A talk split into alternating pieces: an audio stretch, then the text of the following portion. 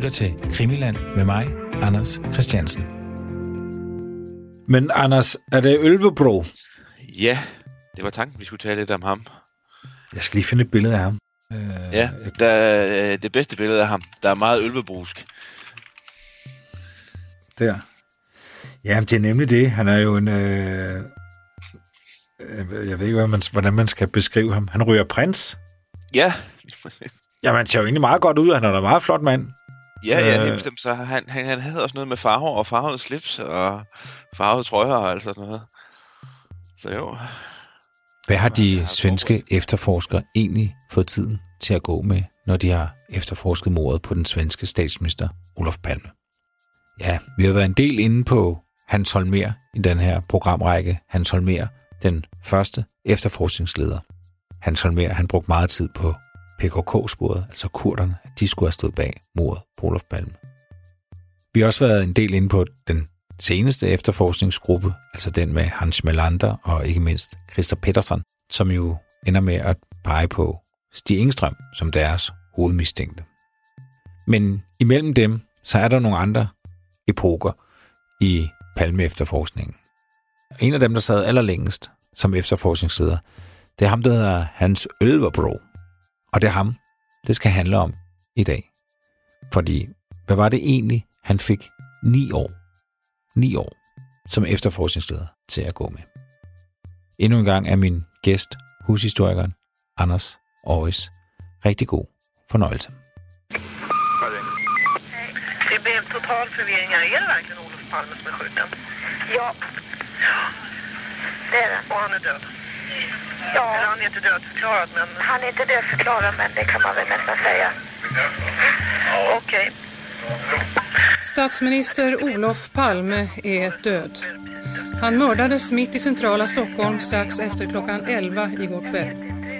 Olof Palme och hans hustru Lisbeth hade lämnat biografen. Det der, jo, det der er, er, er den egentlige baggrund, det er, at Holmer øh, jo øh, må gå af i øh, vandære i februar, marts, april 1987, øh, og, og, og, forlader efterforskningen og forlader også embedet som læns politimester i Stockholm.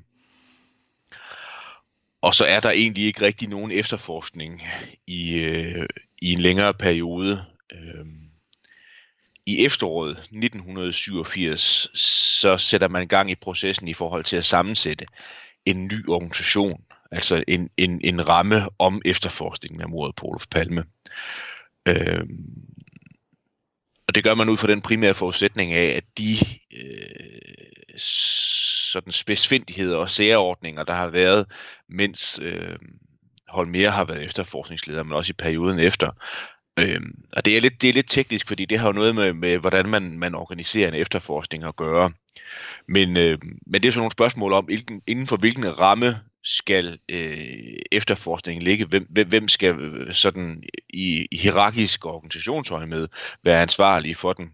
Altså underhold mere øh, havde man haft sådan en underlig, øh, skal vi kalde det sådan en hybridordning med, at det havde været øh, politiet i Stockholm, altså fordi han var jo som sagt politimester i Stockholm, han sådan mere, så det var der hans organisatoriske tilhørsforhold, så man havde egentlig lagt øh, efterforskningen af mordet inden for rammerne af et, et lenspoliti, når der øh, ellers sådan i al almindelighed ved den type forbrydelser, som mordet på Palme var, øh, så, så det man egentlig skulle gøre efter bogen, det var, at det var det svenske rigskriminalpoliti. Øh, altså øh, den statslige, statslige, så at sige, del af politiet, øh, der skulle forestå efterforskningen. Mm. Men det har man været nødt til at bortse fra under Holmer, fordi der var, der var truffet den beslutning, det kan være lidt svært at finde roden til, nemlig at det var Holmer, der skulle være efterforskningsleder. Og han fik i høj grad beføjelser til at, at indrette efterforskningen organisatorisk, sådan som han gerne ville. Mm. Det satte man sig for at ændre i efteråret 87 og finde, finde en model, der kunne fungere. Og det man, man sådan set vælger, det er, at man vælger at organisere den efter bogen, sådan som man skal. Der findes øh, et, et grundlag for, hvordan man gør det. Og det, det bliver under det svenske rigskriminalpolitis regi, at man efterforsker det. Og der er det så Ølvebrug, man får i kikkerten. Mm. Og han var på det her tidspunkt her, vi skal huske, at, at Holmer var jo ikke, var ikke sådan en ung mand i den forstand. Han var heller ikke en gammel mand, men han var en mand i en, i en moden alder. øh, øh, sidst i 50'erne, så vidt jeg husker, lige omkring 60. Hvorimod at Ølverblu er en mand, der er i karrierealderen på det her tidspunkt. Altså født 1945, det vil sige, at han var sådan en, en 2-43 år, da beslutningen den blev truffet. Øh, og var kendt for at være en dygtig og en målrettet efterforsker.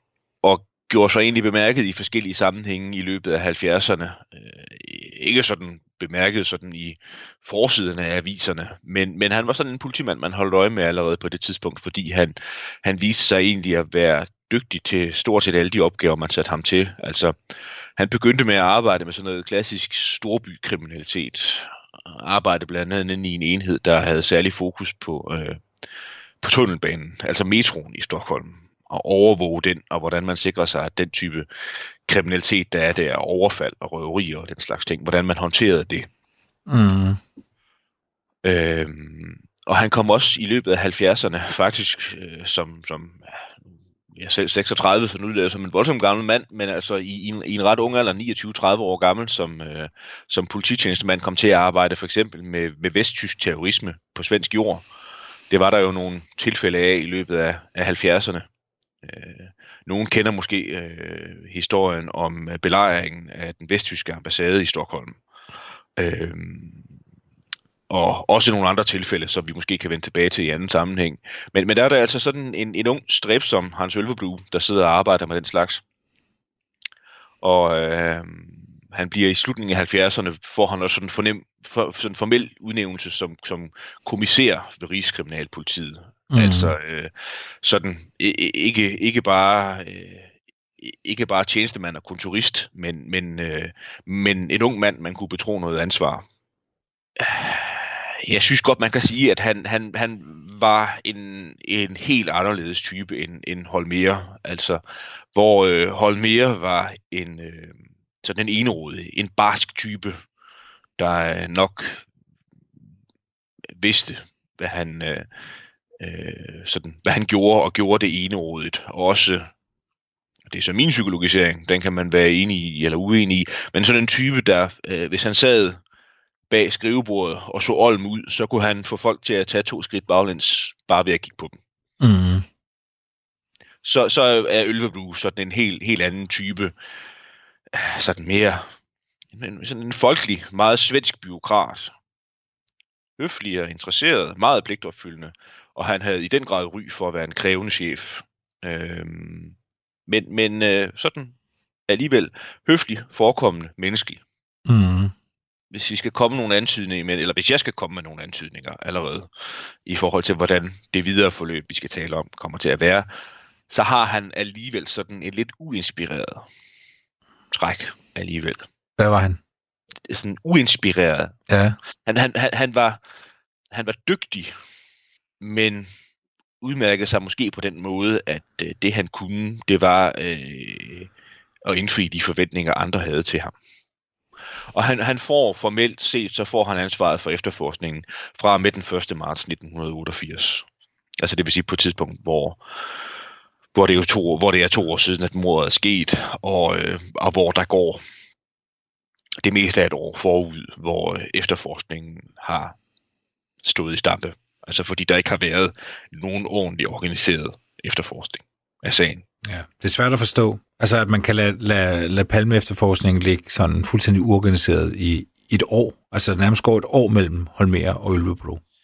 Det må man sige. Det øh, har jeg øh, til dato svært ved at forstå, at det, at det skal vare så længe, før man gør det. Altså, det, øh, det, det forløb, der, der foregår, øh, det, det foregår, man venter indtil den 1. oktober 1987 med at sætte arbejdet i gang, og så øh, tager det sig altså yderligere et halvt år til, før man, øh, man har Ølveblu på plads i stolen.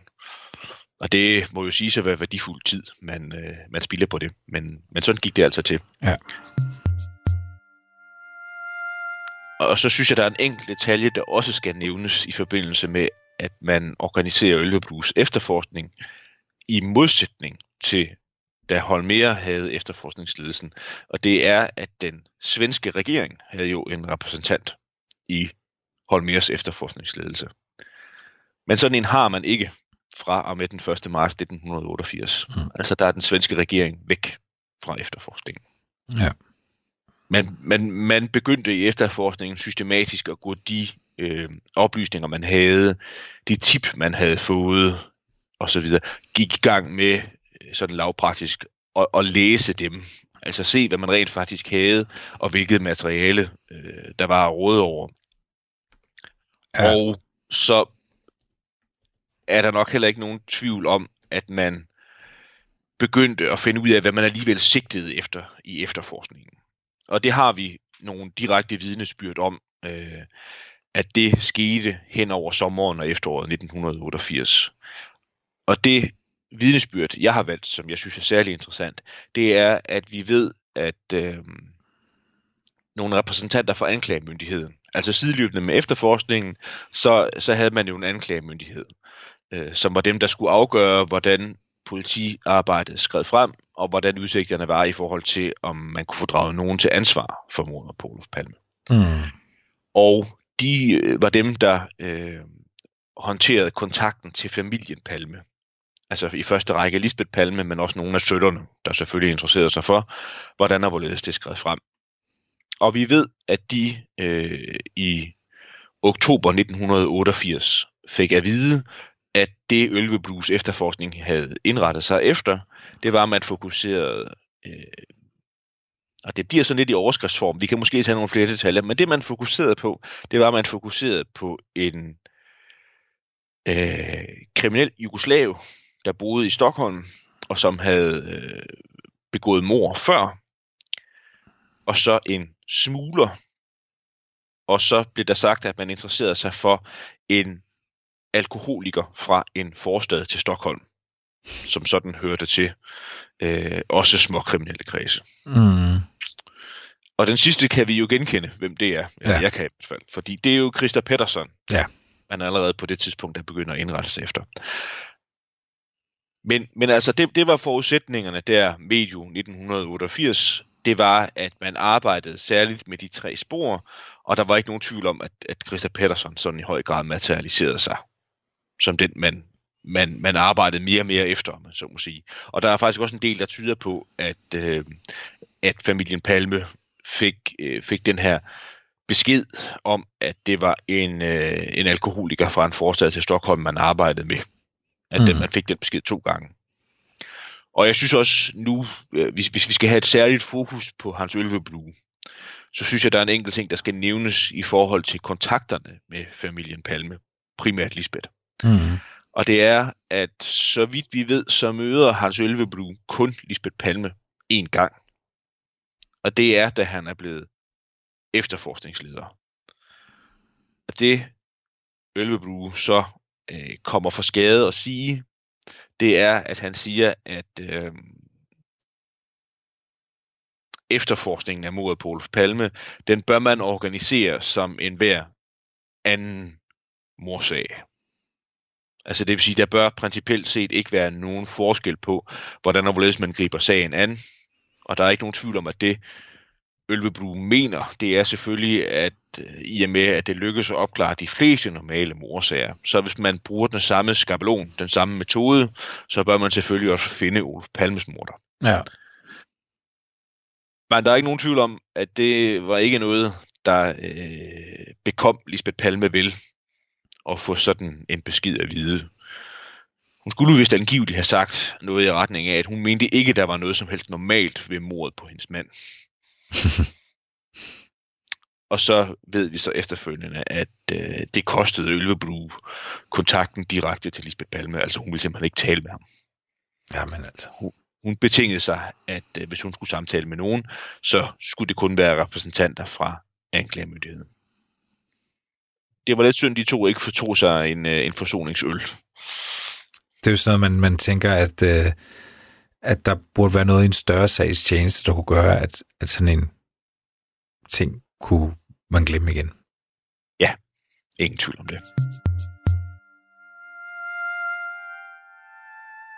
Efter den her berømte decemberdato, den 14. december 1988, hvor øh, man kører ud og henter Christa Pettersson og henter ham ind til forhør, optager konfrontationsvideoen, og Lisbeth Palme udpeger ham, så ruller hele sagen jo imod ham. Og det har vi jo indspillet, indspillet et helt særskilt afsnit om, om Christa Pettersson og mistankerne mod ham. Ja. Men det, det, det fylder jo hele efterforskningen fra 1988 til 1990. Altså, al, al den øh, tid, man har, alle de kræfter, man har, alle de efterforskningsmæssige ressourcer, man har, de går til at efterforske Christa Pettersson.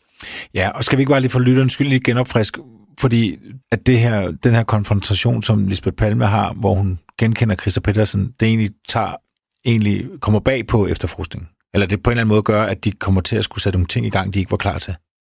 Ja, det kan vi, det kan vi på det nærmeste belægge med en udtalelse direkte fra, fra Hans Ølvebro selv. Fordi øh, han sagde efterfølgende, at, øh, at hvis det ikke var sket, så, var, øh, så havde Christa Pettersson formentlig fået lov til at tage hjem samme dag. Øhm, og det gjorde han jo som bekendt ikke. Så der er ikke nogen tvivl om, at, at man, man øh, at det kommer bag på efterforskningen, at Lisbeth Palme, øh, om man så må sige, pludselig sidder der i stolen, ser konfrontationsvideoen, der er to fra anklagemyndigheden til stede, øh, Jørgen Almblad og Solveig Liberdal, og så udpeger hun Christa Pedersen. Mm. Og så, så er, det, der er det det, man er nødt til at indrette hele efterforskningen efter. Altså fordi så får man jo, øh, man får sådan den ultimative indikation, øh, og det, altså, man får en identifikation, og så er man, så er man så at sige nødt til at øh, indevinde alt det, man kan i forhold til Christa Petterssons liv. Finde alle de, alt hvad han foretog sig, øh, hele hans bekendtskabskreds, alt, og prøve at finde ud af, hvor meget af det, der kunne passes ind i, øh, i et forløb, der skulle gøre ham til morderen. Ja. Ja, og, det, og, og vi snakkede lidt om det, jeg kan bare ikke lade med at gentage det, det er jo selvfølgelig også en, en vanskelig situation, når øh, Lisbeth Palme, som jo altså, er jo aller tættest på Olof Palme, da han bliver skudt, når hun siger, at det var ham, der gjorde det, så er man jo i en forbandet situation. Øh, altså, udover det selvfølgelig kunne være en god situation, hvis det så viser sig at være morderen, men når det ikke er, så er det jo svært at ignorere det. Ja. Og det, det jeg vil sige til det, så neutralt som overhovedet muligt, fordi det er nok et, øh, et vilkår, man må leve under, når man efterforsker mor for eksempel. Det er, øh, at, øh, at det, der var vanskeligt, det var, at man fik konklusionen serveret, og så var man nødt til at indsamle præmisserne efterfølgende. Mm. Hvorimod at øh, normal logik jo vil tilsige, at så indsamler man præmisser først, og så får man en konklusion bagefter. Men så skematisk fungerer virkeligheden jo ikke altid. Og det viser øh, med al tydelighed øh, den situation, man havde med Christa Patterson. Og den måde, man var nødt til at indrette efterforskningen på, efter Lisbeth Palmes identifikation. Mm. Men der sker, der sker jo det, at, øh, at sagen bliver ført i løbet af, øh, i løbet af 1989. Og den leder til, at han bliver dømt ved første instans, frikendt ved anden instans. Mm. Og øh, så sker der jo sådan set det, at øh, efterforskningen fortsætter efterfølgende. Altså den samme efterforskning, Ølveblu fortsætter med sit job. Øh, det er måske nemmest sådan at forklare situationen med, øh, med et stykke anekdotisk bevisførelse. Og det er, at vi ved, at en, nogle måneder, så vidt de husker, efter at Christa Pettersson var blevet frikendt, så øh, tager øh, så, så mødes øh, hovedparten af de efterforskere, de cirka 35 efterforskere, der har været i gruppen, de mødes til en social, sådan en social sammenkomst, hvor der er, øh, er øl, øl og rødvin og snacks, og de hygger sig lidt sammen og taler om, hvad der er, der er sket. Og så på et tidspunkt, så er der en, der tager øh, sådan initiativ til sådan en improviseret afstemning i forhold til, om Christa Pettersson var skyldig eller ej. Og så de her 30-35 øh, øh, tjenestemænd, der var til stede, der viser det sig, at så vidt jeg husker, så er det 25 ud af 30, eller 27 eller ud af 32, der stemmer for, at det var Christa Pettersson, der var skyldig, og ham, man skulle arbejde videre med. Mm. Og det er jo lidt en speciel situation, at, at man har en efterforskning, der er nået frem til en morder, og så viser det sig, at den pågældende morder bliver, øh, bliver frikendt. Og jo, jo så, altså, i og med, altså, så, så, han, er, han er jo uskyldig, Altså, Ja. Øh, hvorimod at, at overbevisningen helt entydigt i, øh, i efterforskningsgruppen er, at øh, man har man, man ved godt, hvem der har, der har, har begået mord. Der er ikke noget som helst andet, man kunne arbejde videre med.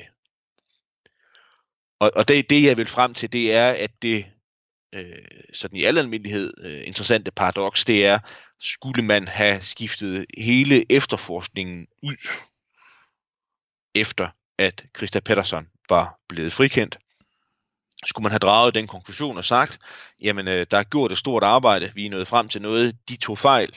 Ja. Vi må, have, vi må have friske øjne på sagen. Vi må prøve at se på nogle, nogle nye muligheder. Vi skal have nogen, der ikke er øh, sådan både professionelt, men også følelsesmæssigt knyttet meget, meget tæt til en bestemt form for konklusion. Vi må have nogle nye ind, eller skal man sige, jamen det var jo sådan set ikke nødvendigvis politi-efterforskningens fejl. Altså, der er ikke politiet, der går rundt og dømmer folk. Det er domstolene. Politiet havde gjort deres, gjort deres arbejde. Domstolen havde gjort deres. Mm. Og øh, folk ville have været professionelle nok til at, at fortsætte med øh, at gennemføre en fordomsfri efterforskning. Ja. Det, det, er jo- det, er jo, det er jo sjovt, altså helt psykologisk kan man jo godt forstå dem, altså at de øh, har brugt al deres energi på noget, de bliver så afvist, og så i stedet for at kigge ind af, så siger man, at de andre er nogle idioter. Altså en reaktionsmønster kan man sikkert godt genkende fra en selv måske, ikke? Lige nøjagtigt. Ja.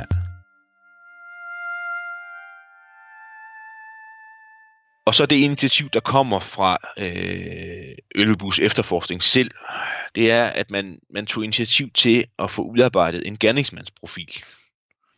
Altså, hvad, hvad, hvad, hvad kendetegnede morder? Hvilke, hvilke psykologiske aspekter øh, kendetegnede folk, der begik mord? Hvor meget, hvor meget kunne man øh, få ud af, hvis man, hvis man kiggede på det, alt det, man vidste om mordet, hvordan mordet gik til, og valget af våben, valget af flugtvej, øh, alt den slags ting.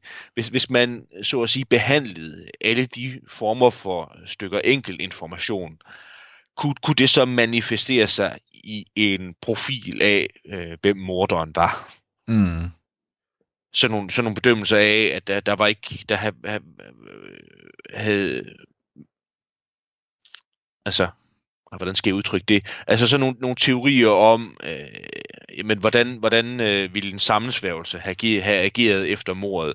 Øh, betød det noget, at, at der ikke, at der ikke øh, var sluppet noget ud fra en sammensværgelse? En af grundene til, at man vidste så lidt om mordet, og hvordan mordet gik til, jamen, kunne det skyldes, at det var fordi, det var en, der handlede alene, en, der øh, gik og rude over det, han havde gjort, og alt den slags ting. Alle, alle de former for oplysninger øh, fik man øh, med, med bistand i øvrigt fra amerikanske eksperter sådan skubbet ind i arbejdet med at få lavet en gerningsmandsprofil. Mm. Og og man kan læse, man kan læse profilen i dag, og man kan også læse, læse bilagene til den, og øh, den er på mange måder også et stykke interessant arbejde, men den har også nogle mangler. Altså uden at jeg sådan er ekspert i det, så, øh, så er en af forudsætningerne for, at man laver en gerningsmandsprofil, det man normalt, øh, de der forudsætninger, der er normale for, at man laver en gerningsmandsprofil, det er, at øh, det man har at gøre med, det er en seriemorder. Altså det vil sige, hvis man har en, en række ofre, man er sikker på er blevet myrdet af samme person, så kan man finde nogle mønstre i, hvordan mordene sker, og så ud fra det tegne en gerningsmandsprofil. Ja. Men i forhold til mordet på Olof Palme, så var der jo ikke noget, der tyder på, at det var en seriemorder, der var på spil. Altså, så man havde en forbrydelse Ja. øh, som reference for at lave en gerningsmandsprofil. Ja, altså der, er det, man kan jo nærmest sammenligne det med, hvis man har et koordinatsystem og kun har et punkt, øh, så er det svært at lave en, en, en, en ligestreg eller en ligning ud fra det. Ja. Eller et mønster for den sags skyld. Det er det. Altså, der, der, der var ikke så meget andet at referere med. Jo, og noget af det, man så forsøgte at gøre, for eksempel, det var, det var at man sammenholdt det med, med andre former for, øh, for attentater. Kennedy-mordet er kendt, men altså også Martin Luther King, Robert Kennedy. Øh, det, det, det, var det arbejde, man lavede med, med den øh, gerningsmandsprofil, der lå, lå klar, så vidt de husker, i, i 4 eller 95. sådan en, en, øh, en sag på en 7500 sider, og, øh, og så findes der nogle bilag til den, og den, den indgår en hel del i faktisk i Granskningskommissionens betænkning, øh, både selve profilen, men også sådan forudsætningerne for at udarbejde den. Frikänd, så att säga. Då ska drikke. Og så det sidste, der kom til at følge noget i Ølveblues periode, som øh, jo som nævnt øh, varede indtil øh, til januar 1997, det var øh, forsøget på at få genoptaget retssagen mod Christa Pettersson. Og det man i praksis kunne gøre, det var, at man kunne indgive en anmodning til den svenske højesteret om at genoptage sagen. Og det krævede så, at man skulle, man skulle indsamle nogle nye oplysninger til en, en samlet anmodning. Ja. Og det, det arbejdede Ølveblues efterforskning også en hel del med. Øh, og så vidt jeg husker, så, så blev anmodningen indgivet i 1997, så man fik svaret fra højesteret i 98. Og det var så, man, altså, det, det var så en afvisning. Altså højesteret afviste at genoptage sagen mod Christa Pettersson. Fordi man mente, at det, at det man havde indsamlet, og det var for eksempel en håndfuld vidneudsagn, at det var så usikkert. Nej. Som øh, Christian Muffer sagde i sidste afsnit, der er ikke, fordi der er så mange rørende ting, i, når man snakker om palmemord. Meget af det er jo, er jo ret trist, men, men der er nogle optagelser, hvor at man ser Christa Petersen sidde og se fjernsyn, øh, og, og få at vide, at han sag ikke bliver genoptaget. Og, Det er- og der bliver han rigtig glad, faktisk. Det må man sige, det er et, et, et, et meget specielt klip med en meget påvirket Christa Pettersson. Ja. Ja, för en liten, liten stund sedan så kom det historiska beslutet. Och det stod ju klart att det inte blir någon ny rättegång i Palme. Domstolen alltså inte beviljar resning och det blir ingen ny rättegång mot Christer Pettersson. Det är så mycket vi vet just nu. Tack gode Gud. Jag tror på min skapare och jag ber. Och jag har bett för mina systrars skull. Det ska ni veta. Att ni har ingen mördare till bro. Det är ingenting att snacka om. Och tack gode Gud för det. Lovad vare Herren. Han är stor utöver Israels gränser.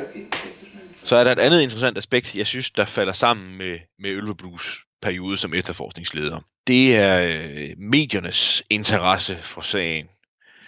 Altså fordi der er sådan en interessant forskydningseffekt, fordi vi ved, at sådan, den første øh, organiserede interesse fra øh, for eksempel fjernsyn, SVT's den dokumentarafdeling, øh, det er fra 1992 og frem efter.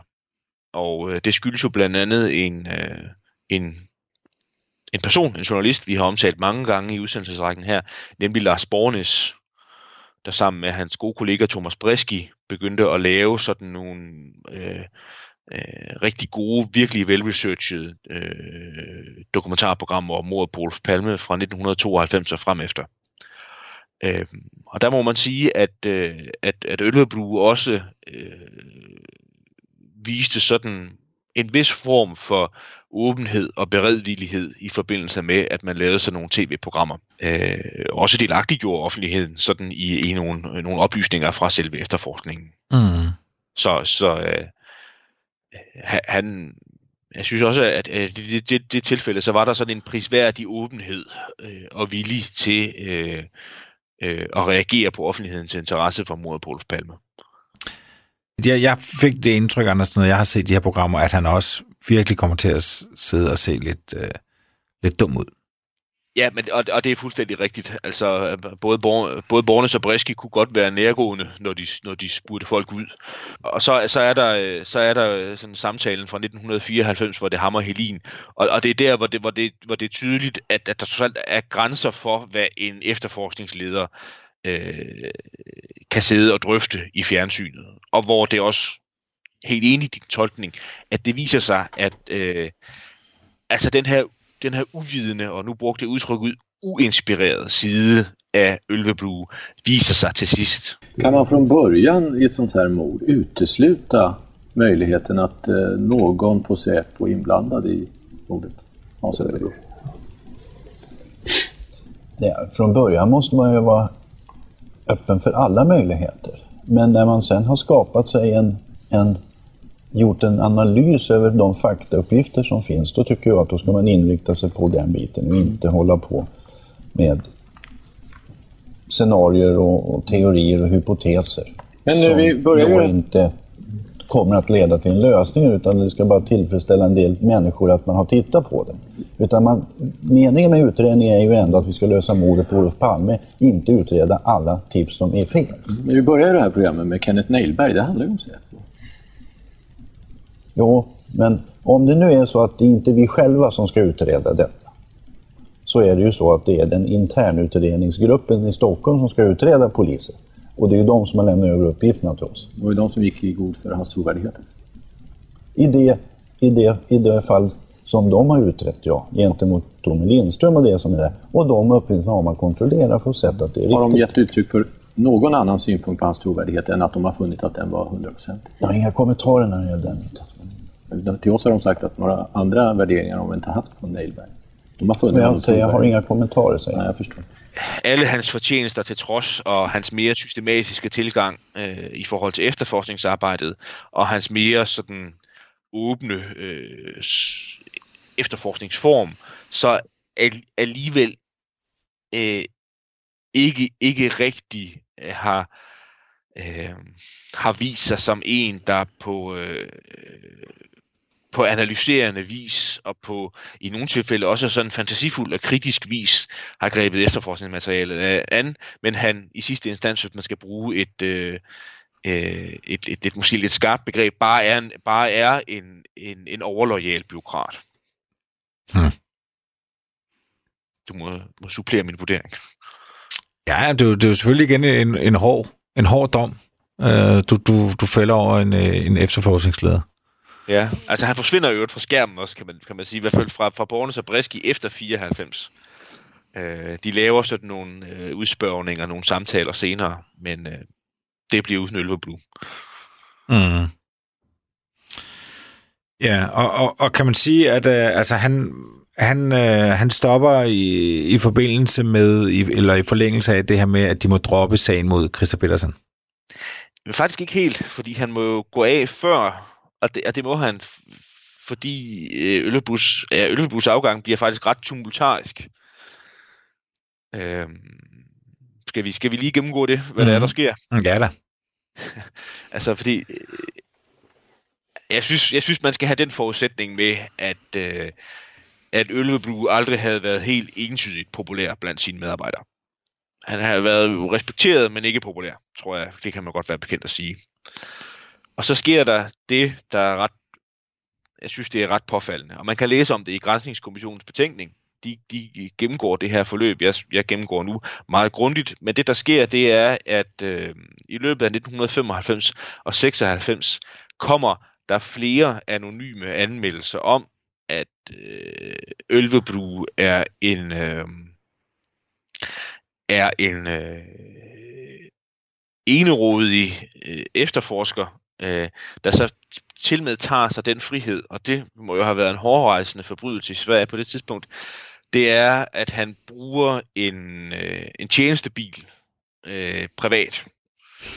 Altså han ligger simpelthen at køre rundt i en bil, som den svenske stat ejer og betaler for. Den ligger han at køre rundt i privat. Og det synes man simpelthen er for galt. Og øh, den anden anmeldelse, der indkommer i 1996, den er underskrevet, den er anonym, men den er underskrevet Palmegruppen. Altså man må simpelthen gætte på, at det er medarbejdere, Mm. der vender sig mod deres chef og anmelder ham for, øh, øh, ja, for ja, misbrug af sin stilling i bred forstand, er vel det, man kan læse ud af det. Og man sætter simpelthen en intern efterforskning i gang. Altså mens Ølvebru er øh, efterforskningsleder af øh, den største forbrydelse i Sverige i det 20. århundrede, så må han leve med, at han også er under intern efterforskning for det, han nu gjorde. Altså køre rundt i en, en tjenestebil privat. Kør, kør rundt i en tjenestebil privat. Og det viser sig så, at, at det, der er sket, det er, at fordi der har været et stort pres mod Ølvebro privat, men også mod hans familie. Altså han har simpelthen modtaget øh, trusselsbreve og øh, trusselsopkald og alt den slags. Så har man, så har øh, Ølvebro, der ellers boede i Stockholm, øh, øh, har, har, har, fået bolig et, et andet sted længere væk fra Stockholm. Øh, og, og det, der så har været en del af aftalen, det er, at han har øh, fået, fået mulighed for at bruge sin tjenestebil til at, at, at transportere sig selv fra, øh, fra efterforskningshovedkvarteret i Stockholm og ud til, hvor han nu bor. Så det, det, det ja, øh, og, og det, det, jo, hvis man læser Grænsningskommissionens betingelser, så er det meget, meget specielt øh, for, hvordan et, et, et, et svensk byråkrati, klassisk svensk byråkrati har arbejdet, fordi det viser sig, at det er nogle aftaler, Ølveblu har lavet med, med, øh, med, med dem, der så, man har disponeret over efterforskningens penge, og det har så, så vidt de husker, faktisk været Jørgen Almblad fra anklagersiden, øh, Øh, der, der har været den, der har disponeret over de penge, der er blevet afsat til, til efterforskningsgruppen, og der ligger så sådan en håndskreven, jeg tror kommissionen kalder det for en lap papir, hvor, øh, hvor Almblad har skrevet ned, øh, at, øh, at, øh, at, at, at Ølveblue har en bil til rådighed, han må ligge og køre rundt i, som han har lyst til. Men det man så diskuterer efterfølgende, det er selvfølgelig, jamen kan en, kan, kan en anklager øh, tage, øh, rive, rive et stykke papir af en blok, og så med håndskrift skrive på, at det må han godt, og så ligge det ind i, må man forstå, Ølvebues personale mappe eller, eller skal der gå øh, sådan en, øh, en egentlig bevillingssag igennem, for sådan noget kan gøre. Altså alt sådan noget byråkratisk kaos, der jo øvrigt ender med, at, øh, at Ølvebro bliver renset. Altså, at han har ikke gjort noget forkert. øhm, men, men han er så blevet så tilstrækkeligt ond i sulet, så, så han øh, siger øh, der i januar 1997, at det kan jo ikke være lige meget det hele, fordi han, han øh, vil have noget andet arbejde, og han vil ikke være leder øh, af Palme efterforskningen længere. Så, øh, så han, ja, jeg ved ikke, om han smækker hårdt med døren, men han smækker i hvert fald døren, med, med døren og går sin vej, øh, og vil ikke have noget med Palme efterforskningen at gøre mere. Og han får så øh, senere hen en karriere, øh, altså, hvor, han, hvor, hvor han øh, stadigvæk har med, med, med, med, med politiarbejde at gøre. Jeg kender det ikke sådan i detaljer, men jeg ved, at, at i mange år så sidder han ved en af Rigspolitiets øh, enheder, der arbejder med, med krigsforbrydersager mm. altså svær, særlige sagkyndige på det område. Og der er jo et, et, en krigsforbryderdomstol, FN har i, i Haag, så vidt jeg husker. Øh, og, og, og den laver han noget konsulentarbejde for, og den slags ting. Mm. Altså, jeg, jeg elsker den historie. Jeg elsker det her med, at han, altså, okay, der er jo tydeligvis nogen, der vil af med ham. Altså, alt ja. det med at gå op i, at man bruger sin tjenestebil eller ej, øh, det, det er jo også et udtryk for, at der er siddet nogle kolleger, der siger, hvordan kan vi komme af med ham? Der må være et eller andet. Så, så Fuldstændig det, rigtigt. Det, det, det, det må være det, man må gætte på, det er, hvordan slipper vi af med ham? Ja, øh, men, men når man så, så, vi sidder og kigger på det her nu som historisk materiale. Mm. Og, og, og det er jo der, hvor det bliver så komisk, fordi proportionerne bliver så mærkelige. Altså, lad os sige, man skulle, og det er det jo også urimeligt, man skulle efterforske mordet på Julius Caesar. Og så ham, der skulle lede det, han blev så altså blokeret. Han, kunne ikke, han blev stoppet for, som efterforsker, fordi han har kørt i en stridsvogn, han ikke måtte køre i. Eller fanden det kunne være. Og så tænkte, det var sgu da... Det var der nogen, der ikke havde styr på deres prioriteter dengang. Det er altså, rigtigt. Øhm, Altså selvfølgelig skal man da overholde regler, det, det skal man da ellers. Øh, er der ingen grund til, at man har regler, men der må der også være... det er jo fantastisk. altså, ja. det, og det bliver jo, jo længere godt... væk vi kommer fra det, jo mere komisk bliver det. Ja, og jeg synes godt, man må anføre, at, at det tjener til... Altså, øh, vi ved, at, øh, at, at Ølvebro var alt til trods, så, så, så, så ved vi, at han sled og slæbte øh, med, med, de, med, med det, han havde til rådighed. Altså, øh, Øh, Øh, i den, I den forstand, så var han netop en helt anderledes type end Holmer, altså som Holmer, som havde de her, de her arrogante tilbøjeligheder, så, så var, var, var Ylvebru en, en anden, mere folkelig, mere pligtopfyldende. Han havde så også, og dem har jeg jo karakteriseret for lidt siden, nogle mere negative egenskaber. Men, men altså sled og slæbte øh, for, øh, for, med den opgave, han var blevet givet. Og så øh, var det ikke specielt kønt, at man, man fandt sådan noget... Øh, øh, altså et, et, ligegyldigt, et, et ligegyldigt forhold øh, og, og, og få ham styrtet ud fra. Altså det synes jeg, det var, det var en skam. Ja. Og ikke specielt klædeligt. Men, øh, men omvendt også, hvis vi, hvis vi skal gøre bodet op, ikke? han sidder og er leder af efterforskning i ni år. Ja, han nåede jo ikke det ultimative mål. Nej. Øh, og det, det var det, der sådan, det endte jo nærmest på det nærmeste med at blive en tragedie for ham. at, øh, at han var så tæt på, havde jeg snart sagt. Øh, jeg synes, at øh, jeg og flere andre synes, også, det var, så det til gengæld det var godt. Altså retfærdigheden skete fyldst, da Christa Pettersson blev, blev, blev frikendt. Øhm, men, men altså, jeg synes sådan til, til, sådan til ellers til, til fortjenesterne, så synes jeg, jeg synes jeg faktisk noget af det arbejde, der blev lavet i 90'erne, øh, trods alt også tjener på plussiden. Altså, øh, vi ved ikke helt, hvor meget Ølverbrug selv var personligt involveret i det, men man kunne se, at sådan øh, analysearbejdet generelt, øh, men, men, men for efterforskningens side i forhold til gerningsmandsprofilen og i forhold til, til grænsningskommissionen, så nogle af de øh, sådan længere udfoldede analyser, der blev lavet, øh, skete jo også, mens det var ham, der var efterforskningsleder. Mm. Jeg synes, der hører, der hører sådan en enkelt, enkelt historie mere med faktisk om, om sådan perioden fra efter 1997 og Ølverblues forbindelse til mordet på Olof Palme. Og det var jo, at i mange år, så, så var han øh, tavs som en østers øh, om, om hele sagen. Han ville, ikke, han ville ikke udtale sig om noget som helst. Gav meget, meget få interview. Øh,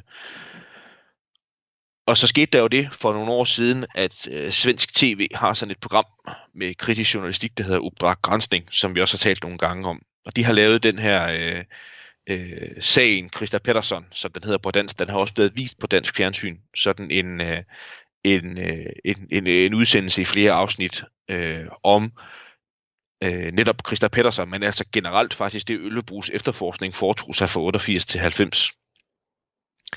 Og der er der jo øh, den her øh, på den nærmeste bar, altså barokke scene, hvor øh, en af de øh, unge journalister, øh, der laver øh, den her øh, udsendelse her, opsøger Ølveblu. Han lever endnu. Opsøger ham ude, hvor han, hvor, hvor han bor, og beder ham om øh, et øh, interview. Altså han har svært overhovedet at komme i kontakt med ham. Øllebu vil ikke, vil ikke tale i telefon, han vil ikke åbne døren for journalisten, han vil ikke tale med nogen som helst. Og på et tidspunkt så siger, øh, så siger Øllebu øh, noget, der ikke sådan umiddelbart er en pensioneret svensk statstjenestemand-agtig sådan værdigt. Og det er, at han siger, at han vil have en million. Han vil have en million svenske kroner for overhovedet at give et interview. og det vagte en helt lille opsigt at, øh, at, øh, at, at, at Ølveblu opførte sig på den måde, og ledte vel også på det nærmeste til, at Ølveblu kom krybende tilbage og stillede op i øh, et andet svensk tv-program, vi har talt om med nogle lejligheder, det der hedder Veckans Brot, mm. altså mhm. ugens forbrydelse. Stillede han så dog trods alt op til et interview der. Jeg kan, jeg kan jo tilføje, at han i forbindelse med øhm, pressemødet i juni, og efter det her, at, at Palmeforskning Palme-efterforskningen blev lagt ned, og de pegede pilen mod øh, Stig Engstrøm. Han fik jo til pressemødet fik han jo noget kritik. Øhm, det gjorde alle tidligere efterforskningsledere med, at de havde droppet sporet på Stig, øh, af Stig Engstrøm, øh, og ikke undersøgt Stig Engstrøm øh, nærmere. Og det skulle han så forholde sig til, og han blev interviewet blandt andet i Aftonbladet. Og der siger han, at han medgiver, at de kunne måske godt have kigget mere på Stig Engstrøm, men han vil stadig nå samme konklusion, at Stig Engstrøm ikke myrdede Olof Palme. Mm. Og så siger han så, at, han, øh, at hans første store problem, det var det her med at prøve at overbevise øh, kollegaerne om, at PKK-sporet, det var, var, var, var, var dødt, eller var, var ingenting. Og så siger han, at det lykkedes ham, og det lykkedes også at overbevise mine kollegaer om, at visse kollegaer i SEPO havde forvrænget oplysninger eller information. Altså han siger, ja. det er SEPOs skyld, øh, eller medarbejdere i SEPOs skyld, i at at PKK-sporet var så sejlivet. Ja, det var meget interessant.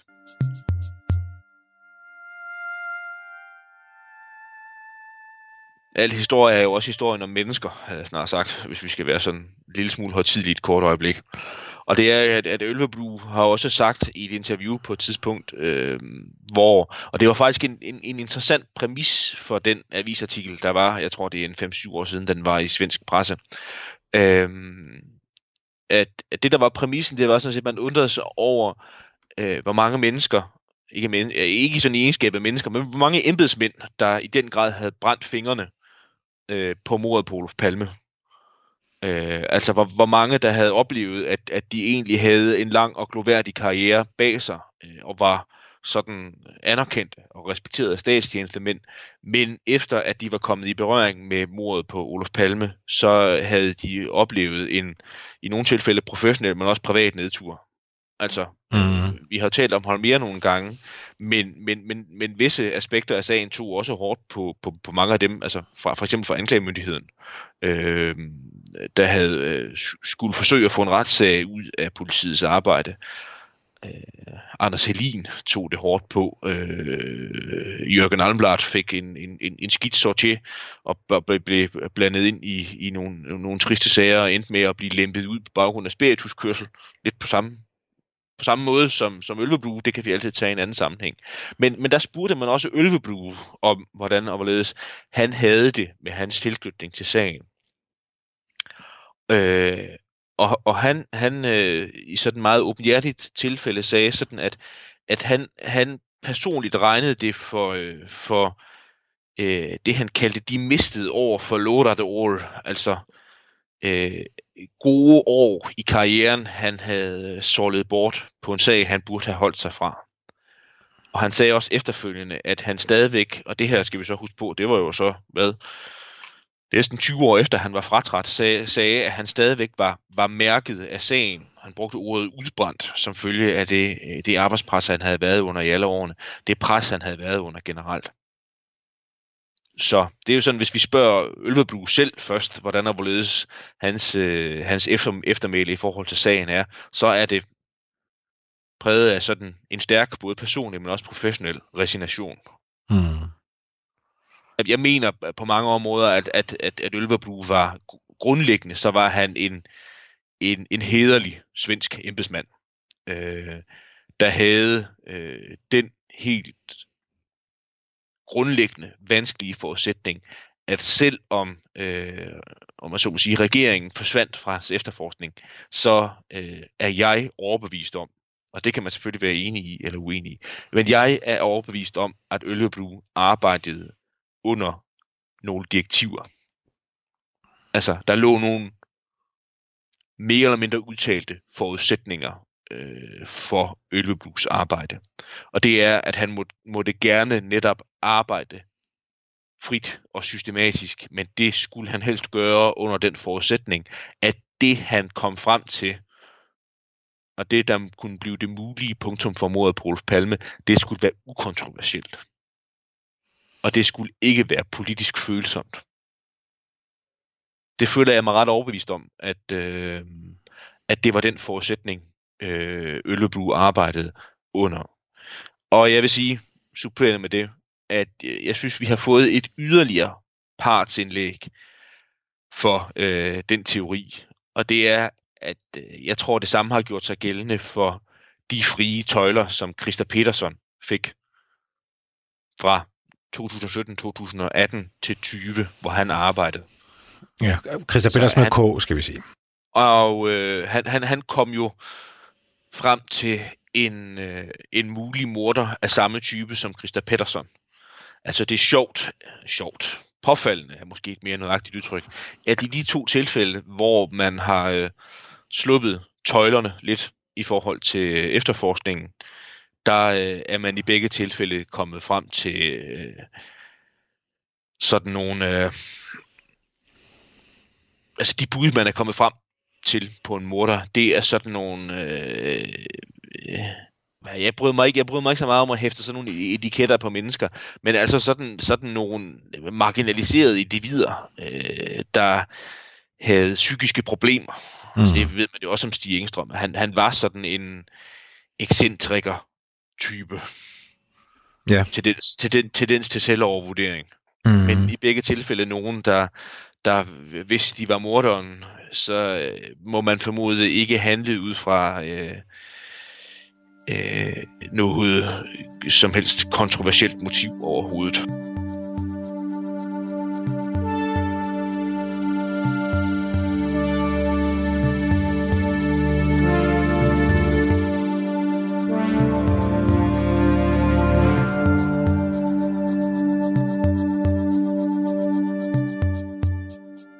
Programmet er produceret af Wingman Media for Radio 4.